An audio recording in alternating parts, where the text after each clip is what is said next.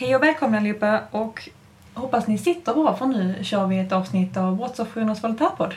Jajamensan. Och idag så har vi eh, kopplat på ytterligare en roll i rättsprocessen. Yes. Åklagaren Kristina har kommit hit till oss för att berätta om sin roll som åklagare. Precis, och vad, vad gör hon? Vad, vad är liksom hennes roll i, i rättskedjan? Vad händer i, i en tingsrätt från hennes ögon? Vad ser hon vittnesstödens nytta och kanske behov av lite information till vittnesstöden från, från en åklagare och lite, lite så smått och gott. Ja men precis. Och kanske slår vi hål på en myt. Ja, det kanske vi kan nog göra.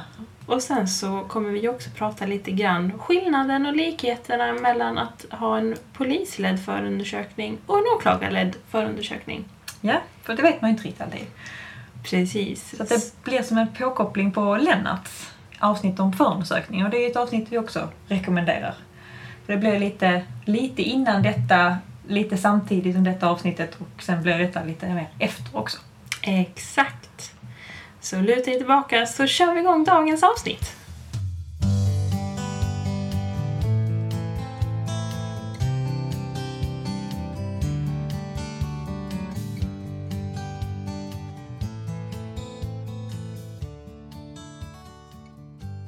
Och med oss här idag har vi Kristina som jobbar som åklagare.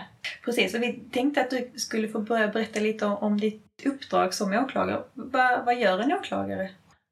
En åklagare eh, är egentligen eh, statens representant, alltså samhällets representant i att leda brott eh, med syfte då att eh, dels få fram en misstänkt tillsammans med polisen. Sen leda förundersökningen och in, under förundersökningen så samlar man bevis för att eh, man ska komma fram till om den här personen eh, som då man misstänker för det här brottet kan vara skyldig eller ej. Och om man då eh, som åklagare eller som förundersökningsledare, för det är det förundersökning som det heter, det här Eh, som ni säkert alla vet, den här utredningen. Om man då kommer fram till att eh, den här personen är skyldig med största sannolikhet så är då mitt uppdrag att väcka åtal och lämna in en stämningsansökan med det här åtalet till tingsrätten. Eh, det är en del. Sen nästa del är att eh, jag ska eh, föra det allmännas talan i den här processen i tingsrätten och lägga fram bevis då för att tingsrätten ska kunna fatta ett beslut då om, om vederbörande är skyldig eller ej till det här brottet. Och sen är det då också att eh, från tingsrätten, om domen skulle behöva överklagas eh, vidare upp i hovrätten, att även eh, sköta den processen och föra talan i hovrätten fram tills dess att eh, vi har en lagakraftvunnen dom. Så det är mitt uppdrag, eh, lite kort beskrivet. Du skrev att du ska föra anmälarens talan. Mm. Vad, vad innebär det? Ja, det innebär att eh, jag ska vara objektiv. Jag ska inte representera någon egentligen, utan jag ska representera samhället. Så skulle jag eh, finna då att det finns tvivel att den här personen är skyldig eller ej till det här brottet, eh, så måste jag beakta det. Eh, jag får inte stå på någons sida, utan eh, jag måste vara så objektiv som det bara går i den här processen. Och då ehm, under det här objektiva paraplyet eh, föra processen framåt och ehm, helt enkelt ehm, representera samhället. Mm. Och i, i en tingsrättsförhandling så kan det ibland finnas målsägande beträde som för eh, den målsägandes talan. Men när det inte finns målsägande beträde, vad, vad blir skillnaden då för dig som åklagare? Skillnaden som åklagare blir då att då får jag oftast hjälpa till att föra målsägandens talan. Och eh, det här är ett uppdrag vi har som ibland kan bli aktuellt i mål som kanske inte de allra allvarligaste målen, men det här mellanskiktet av mål. Dels eh, hjälpa målsäganden men även eh, för att processen ska bli lite smidigare. Eh, för det är ju lite fikonspråk ibland. Till exempel om någon har blivit misshandlad eh, så är det vanligaste ersättningen ju kränkningsersättning. Och det, kan ju, det är ju inte alltid lätt för målsäganden att förstå vad som ingår i det. Sen finns det ju sveda och värk och man kan även begära ersättning för lyte och men. om det har gått en viss tid, eh, om man till exempel har fått något ärr som man vet är bestående, men då ska det ha gått en viss tid. Så det är ganska svår och komplicerad juridik för gemene man att förstå sig på. Och i den situationen då så är det ju då jag som kan hjälpa till när det inte finns ett målsägande beträde förordnat. Så huvudregeln är att du för statens talan och är objektiv. Men när det kommer till, till ersättning och, och de här bitarna så kan du vara, vara till hjälp för målsäganden för att förklara hur... Mm. Så är det. Mm. Men sen är det ju svårt, för personligen i alla fall så är det så här att jag har ju blivit åklagare för att jag tycker att eh, jag vill göra en insats eh, och beivra brott och få de som har begått brott dömda för det. Um, och eh, då är det ju så att ens sympatier ligger ju på det privata planet hos målsäganden till 100 procent. Så att oftast gör man ju mer än vad man egentligen kanske borde under det här objektiva paraplyet. Mm. I samhället idag så glömmer man ofta. Man pratar mycket om den misstänktes rätt, men man pratar sällan om målsägandens rätt. Och att det faktiskt är, är någon som har lidit av det här eh, brottet Alltså det är ju väldigt ofta personer som vars hela liv har slagits i spillror. Till exempel äldre personer um, som har blivit bestulna. Någon har brutit sig in i deras hem. Och det är ju då oftast det är en grov stöld. Men de här, i vissa fall ser man ju att de här äldre personerna kanske inte kan bo själv utan behöver flytta in på äldreboende. Eh, de vågar inte bo själv. Eh, de vågar inte gå ut och handla för att någon har eh, ryckt deras väska till exempel. De här brotten kan få oerhörda konsekvenser för den som drabbas, för målsäganden. Men eh, man är inte så bra på att se det från samhällets sida. Eh, så att ens sympatier ligger ju där och man vill ju såklart ehm, göra allt man kan ehm, för de här personerna som blivit utsatta för brott. Mm.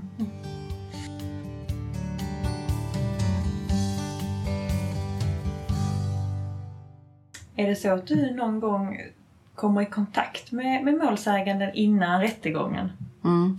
Ibland gör jag ju det. Ehm, det är lite olika från åklagare till åklagare. Men jag kan ibland, ehm, när det är speciella typer av ärenden, ringa upp målsäganden, vara med på polisens förhör med målsäganden. Dels för att jag vill presentera mig som åklagare, för att de ska se vem det är som ska, som ska föra den här talan i tingsrätten men även bilda mig en uppfattning. Vi läser ju oftast bara papper där vi läser förhören eh, som har hållits. Men eh, ett förhör är ju så mycket mer och den här historien, det här brottet är ju så mycket mer än att bara läsa på ett papper. Man säger oftast att papper rodnar inte. Eh, man kan inte se på ett papper om det ljuger. Man kan göra det och man kan få en uppfattning. Och ibland när jag har träffat målsäganden, till exempel hos polisen, inför ett förhör, så kan jag få en helt annan bild av det här brottet. Vilket gör att jag kanske väcker åtal för ett annat brott. Och oftast är det ju så att det är, brottet är mycket värre. Det är oftast, om man nu ska till målsägandens fördel, att jag träffar dem. För att man får en annan insikt och man kanske går från ett brott av normalgraden till ett grovt brott. När man ser vad det här har gjort och man hör liksom målsäganden förklara själv vad det är som har hänt. Sen är det också så att eh, inför en förhandling så försöker jag alltid, om man vet att det är en målsägande som, eh, som är drabbad och som ska vara där och en målsägande som inte har ett målsägandebiträde, så försöker jag vara lite tidigare i tingsrätten och eh, vänta utanför. Eh, och ibland händer det ju att man söker upp eh, er då, vittnesstödjare, Ehm, för att eh, ta en kontakt, för att presentera sig och för att det kan finnas frågor som, eh, som rör själva processen som bara jag kan svara på. Så det tycker jag är bra om man kan göra det. Och eh, även att lugna ner den som ska då in och berätta målsäganden. Men även ja, vittnen i vissa fall då, som är väldigt nervösa. För det är inte så farligt eh, att vara inne i rättssalen som man kanske tror eh, om man aldrig har varit där. Och de allra flesta som, som har kommit in och berättat har bara tyckt att det har varit skönt att de har fått berätta vad som har hänt och, och sen liksom kunnat lämna det bakom sig efter det. Du, du berättade att du söker upp målsäganden, eh, men söker du upp vittnen och, och tilltalade också innan en... Ja, men det är lite olika. Eh, Målsäganden är väl det som är mest naturligt. Mm. Eftersom eh, det är reglerat, kan man säga rent lagstiftningsmässigt, att vi ska föra målsägandens talan om inte man har ett målsägandebiträde. Och målsäganden är ju faktiskt den som har blivit drabbad av brottet och den som mest behöver en kontakt. Vittnena är väl inte så att jag söker upp. Det är ju lite, det är väldigt känsligt eh, att man som åklagare har för mycket kontakt med vittnen innan. För att eh, då kan man ju misstänka att man påverkar vittnen på något vis. Och de ska ju komma in och eh, bara precis berätta vad de har sett. Men ibland kan det finnas vittnen som är jättenervösa och det kan ju vara kanske närstående till målsäganden.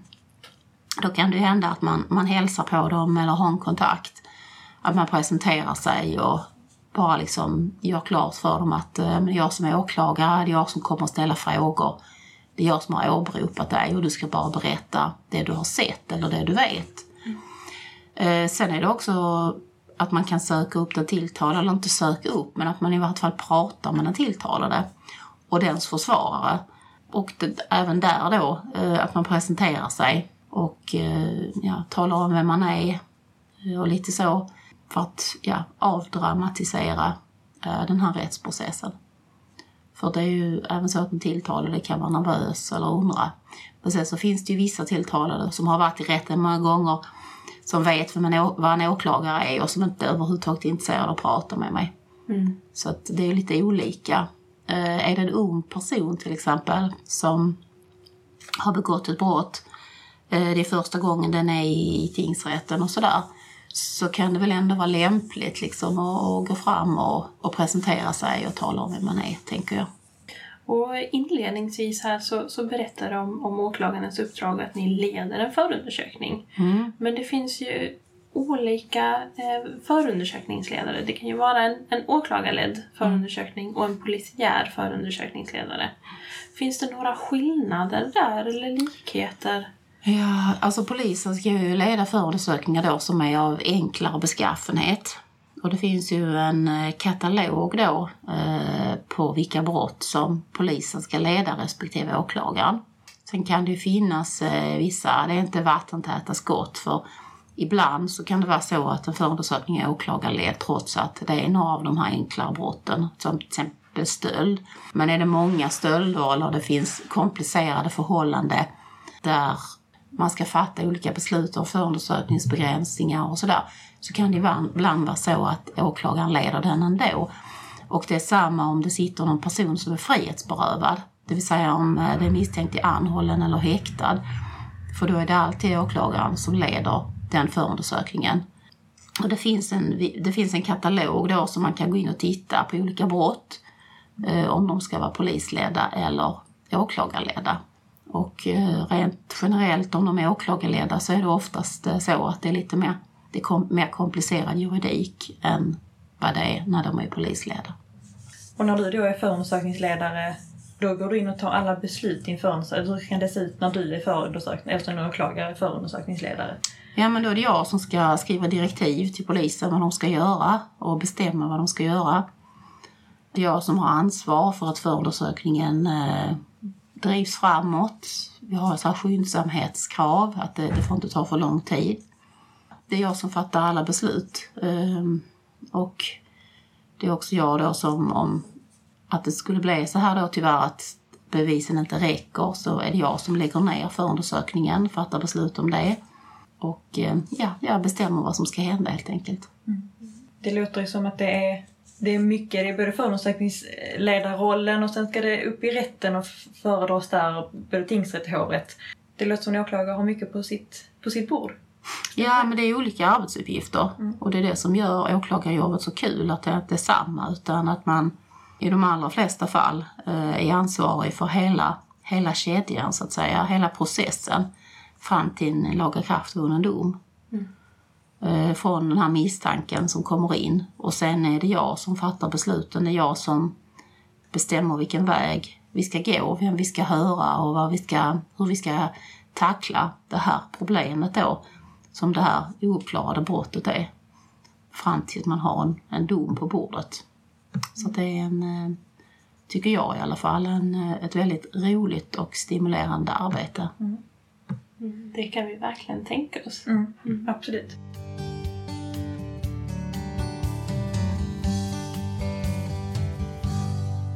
Och samarbete med polisen, det låter ju som att du behöver ha mycket samarbete med, med polisen just om man är förundersökt. Hur, hur, ser, hur ser det Ja, ut? men vi har jättemycket samarbete med polisen. Jag jobbar ju mer med poliser än jag jobbar med andra åklagare. Eh, åklagarrollen eh, som sådan är ju ganska ensam eftersom man är ensam ansvarig. Lagen är skriven så att, eh, att det är en åklagare som är ansvarig.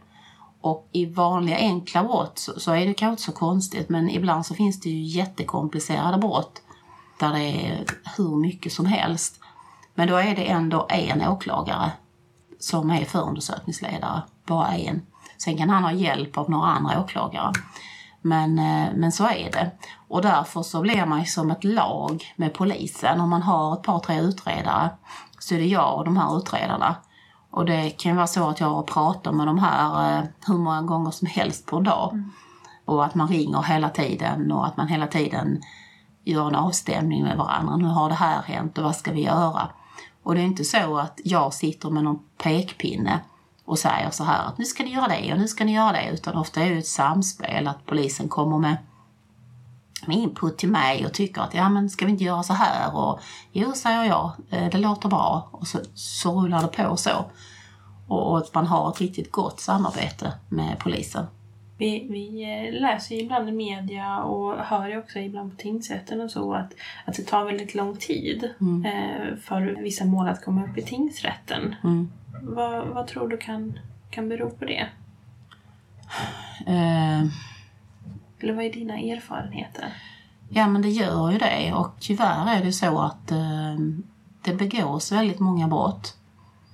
Och eh, resurserna, alltså vi har inte så mycket resurser. Polisen är alltid överbelastade. Vi har jättemycket. Eh, jag har kanske 45 förundersökningar just nu som jag leder.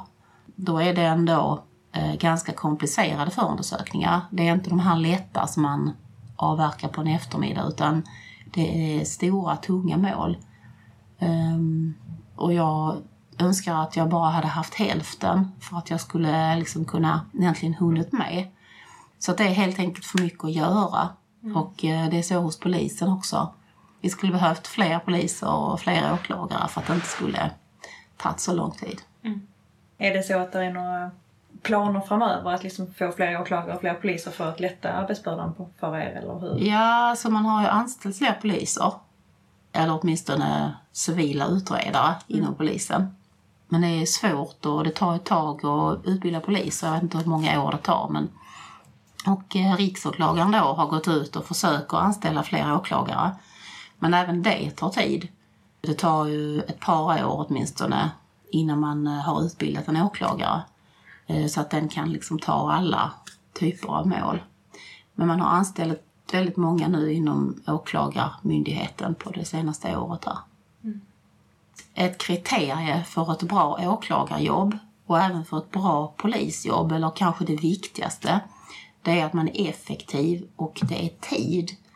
Eh, För ju äldre ett brott blir, ju längre tid det tar från det att ett brott begås tills det kommer upp i tingsrätten, desto sämre blir resultatet. För att man glömmer eh, vad som har hänt. Det är ändå eh, en målsägande och det är vittnen som ska berätta vad de har sett. Och om det tar två år, alltså man kan ju gå till sig själv. Kommer jag ihåg exakt vad som hände för två år sedan, kommer jag ihåg exakt vad, vad man såg. Det gör man ju inte. Och man lägger ju till eh, under resans gång.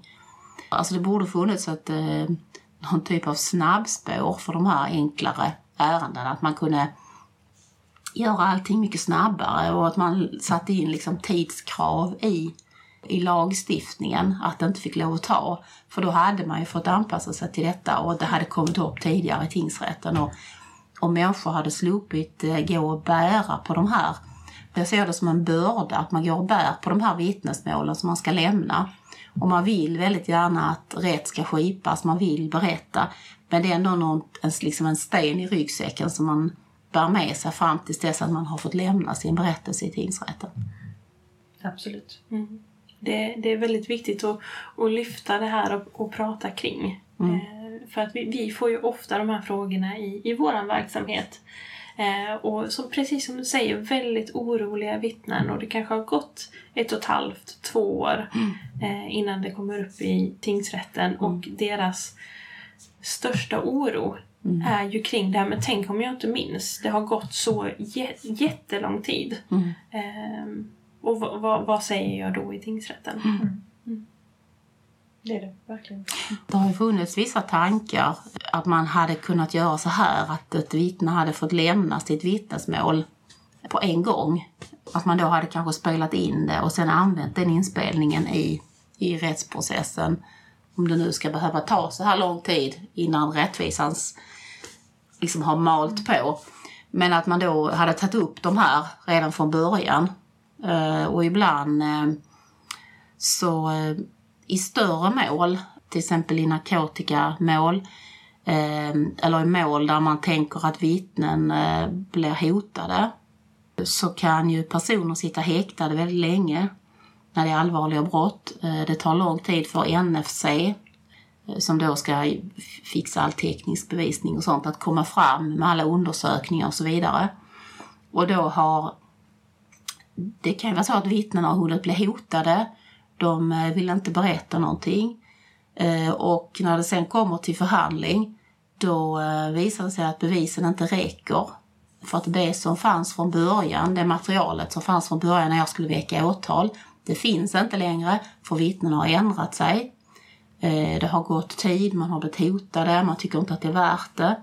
Så hade man då spelat in de här förhören från början, då hade ju dels, dels hade ju då de krafterna som vill hota vittnena inte kommit åt dem för berättelsen hade redan varit lämnad.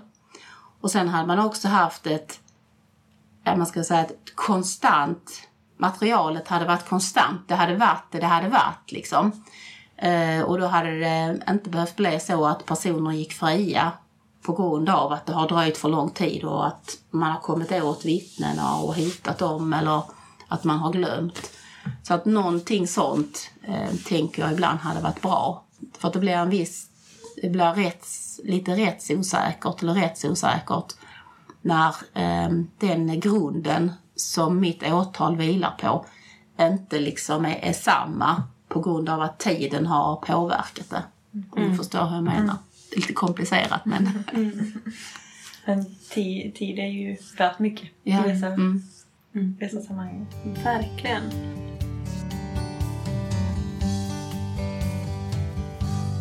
Vi har ju funderat lite, lite kring det här om det finns något som du har reflekterat över som inte ingår i ditt uppdrag som åklagare men som det kanske finns förväntningar om. Ja, det är väl eh, just kopplat till eh, den här objektiviteten som jag sa. Att eh, man tror oftast att eh, åklagaren liksom är till för målsäganden. Vilket man ju inte är. Som jag sa, att vi ska vara objektiva. Att man förväntar sig att vi ska stötta målsäganden mer än eh, vad vi har möjlighet att göra. Det är väl det som jag kan tänka mig. Eh, för det är ju statens talan som sagt som vi för i första hand. Jag har ju varit med om att, eh, att man har till exempel en målsägande som eh, när anmälan görs, vill man göra den här anmälan och vill man, man vill man med. Men sen när det kommer upp ett åtal i tingsrätten så eh, kanske det har gått en tid och målsäganden vill inte medverka längre. Och då eh, kan jag inte ta hänsyn till det för att jag väcker det här åtalet för det allmännas del, inte för målsägandens del. Och då finns det målsägande som kan bli himla förbannade på mig för att jag inte vill ta tillbaka åtalet till exempel. Är det något annat, liksom missuppfattningar eller föreställningar från film, tv eller något alltså, som du liksom slår hål på? Alltså någon, någon myt eller så som finns kring, kring åklagarrollen och åklagaryrket? Nej, egentligen inte. Utan det är det, det som jag sa, eh, som är en vanlig missuppfattning. Just det här att man glömmer att vi för det allmännas talan och inget annat. Och sen är det väl såklart att eh, i såna här, framförallt amerikanska serier och sådär, så är allting möjligt liksom. Eh, teknisk bevisning och sådär. Men det har ju mer liksom anspelningar på polisen kanske. Men att man kan eh, bevisa en massa grejer och att eh, vi vet en massa med, som det kanske inte är riktigt så i verkligheten. Ehm, och vi här på Brottsofferjouren, eh, våra vittnesstödjare, kommer ju ofta i kontakt med, med er åklagare. Och är det någonting som du tänker är, är viktigt för, för vittnesstödjarna att, att veta om, om ert uppdrag, som de kanske inte vet? Nej, alltså jag, det känns ju som att vittnesstödjarna är ju ganska eh, duktiga och välutbildade och har väldigt bra koll på hur vi jobbar och vad vi gör. Men eh, ibland så önskar jag att vittnesstödjarna tar mer kontakt med åklagarna. Eh, om det till exempel är någon målsägande som är nervös eller som... Ja, för att jag tror att det kan, eh, det kan eh, vara skönt för målsäganden att eh, träffa åklagaren innan. Eh, Men i vissa fall så, så vill de kanske inte, men vissa behöver det och då tänker jag att vittnesstödjarna kan vara mer aktiva. Att eh, ta kontakt med åklagaren och etablera liksom en kontakt. Så att man har möjlighet att, att presentera sig och visa vem man är. Och etablera den här kontakten. Hur, hur eh, gör man som vittnesstödjare då på tingsrätten? Ja, men då tänker jag att om det är så att vittnesstödjarna får målen den dagen de kommer till tingsrätten, så är det väl kanske i de flesta fall. Och då eh, kan man ta kontakt med vakterna på tingsrätten, eh, ordningsvakterna, och eh, få dem till att eh, liksom kontakta åklagarna. Ofta sitter åklagarna inne i låsta utrymme där vittnesstödjarna kanske inte kan komma åt åklagarna. Men att man då tar en kontakt med ordningsvakten, vilken åklagare är det i den här salen som ska ha det här målet? Och ber då vakterna att kalla på åklagaren.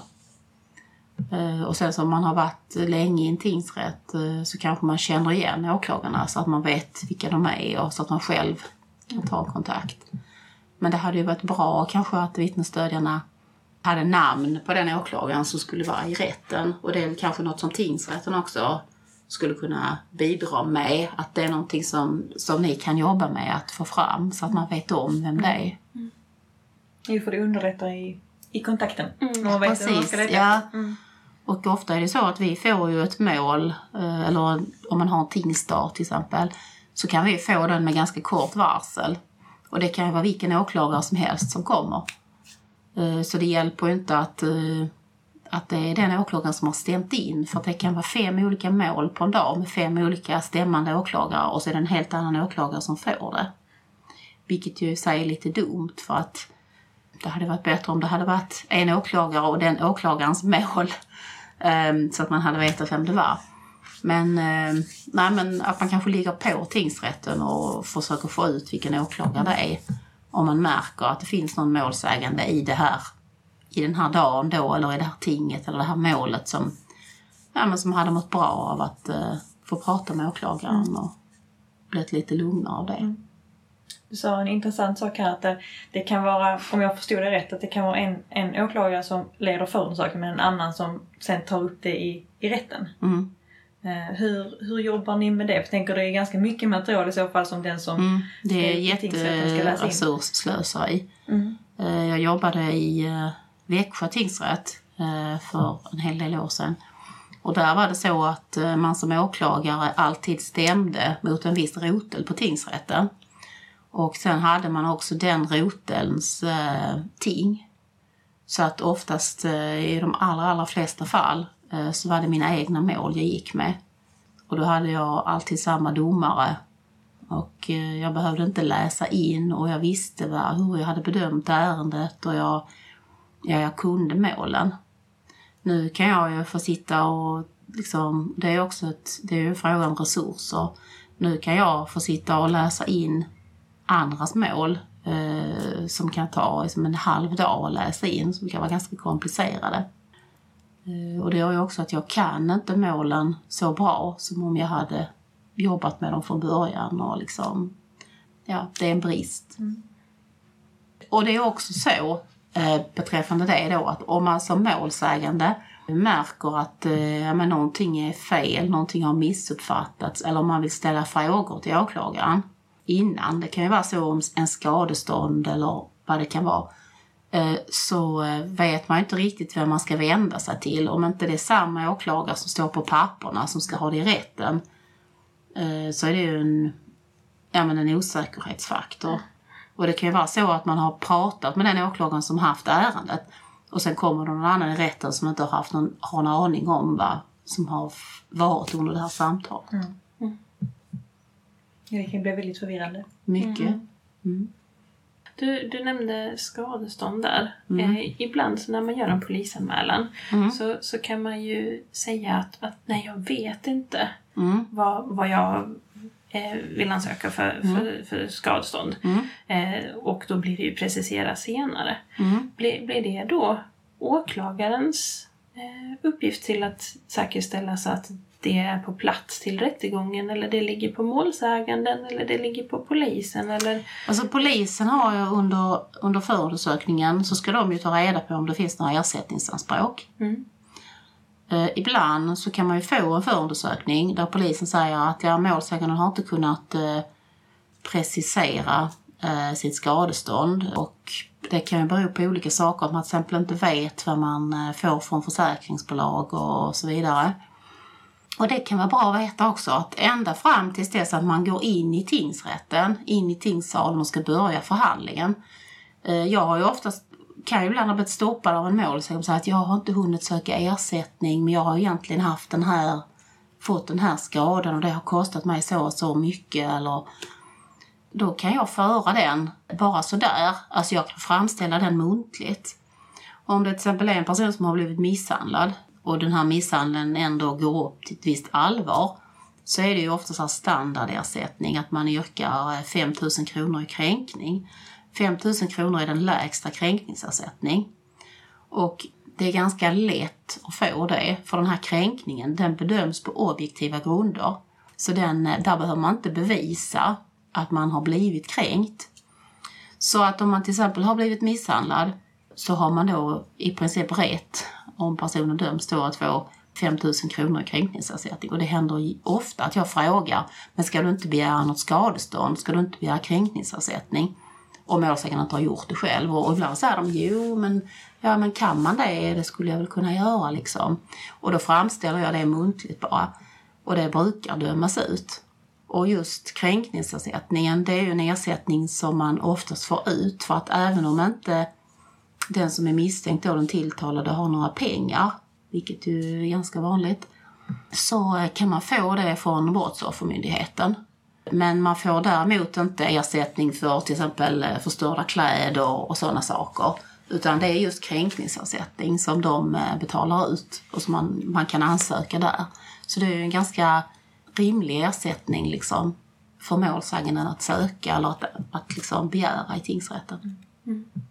Det kan ju vara något som, som vittnesstöden också kan, kan innan de sitter och samtalar med, med personer utanför. Framförallt målsägaren då, det är ju svårt med vittnena. Ja. Men, men att har du kolla av det och i så fall, som du säger, ta kontakt med åklagaren. Ja, och det är en bra sak för, för vittnesstödjarna att lära sig. Alltså en viktig utbildnings... eh, Nu vet jag inte om mycket utbildning de får i det, men att liksom ändå ha någon, någon tabell eller någon liksom hur de här ersättningarna ser ut. För det är ganska lätt liksom att ta med sig.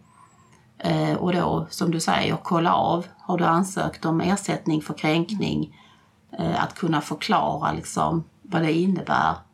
Och att då om inte man har gjort det, och man kanske inte vågar, att vittnesstödjarna kan ja, men, ta en kontakt med åklagaren. Ja, den här personen har inte lämnat in någon kränkningsersättning men eh, hon eller han vill begära det. Eller vill, liksom.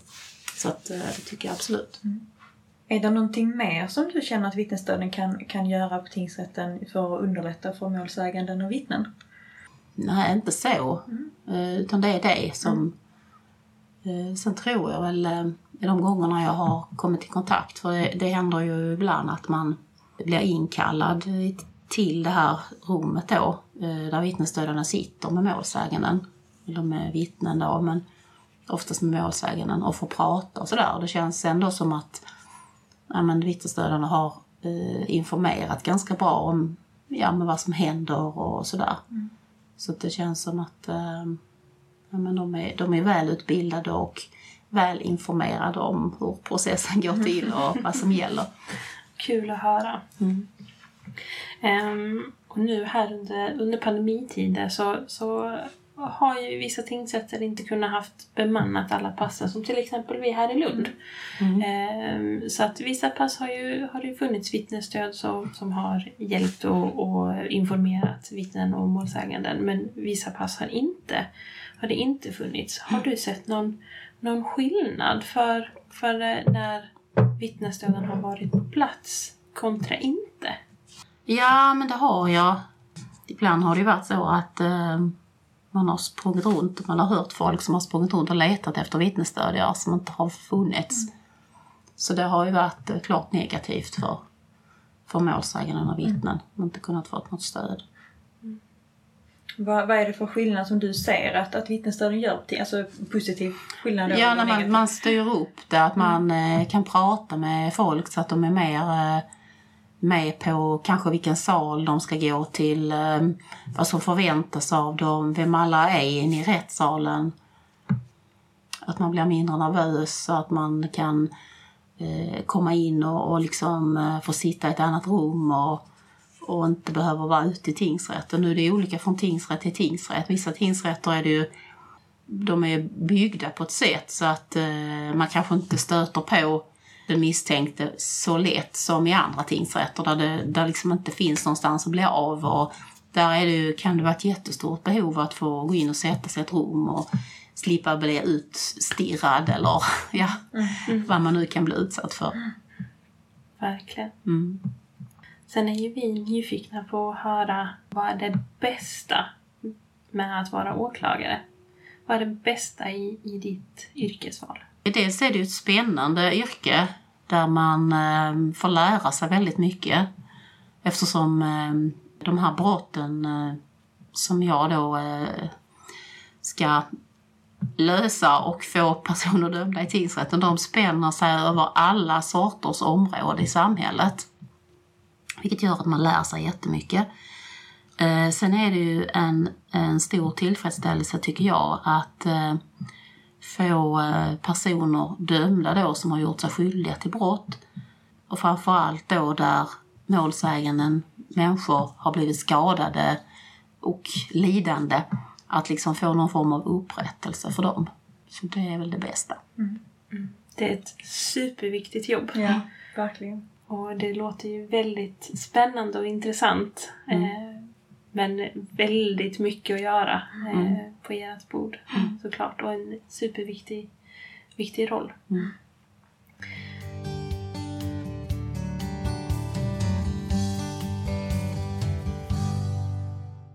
Avslutningsvis så skulle vi vilja fråga om det är någonting som du skulle vilja säga till våra volontärer här ute i Sverige.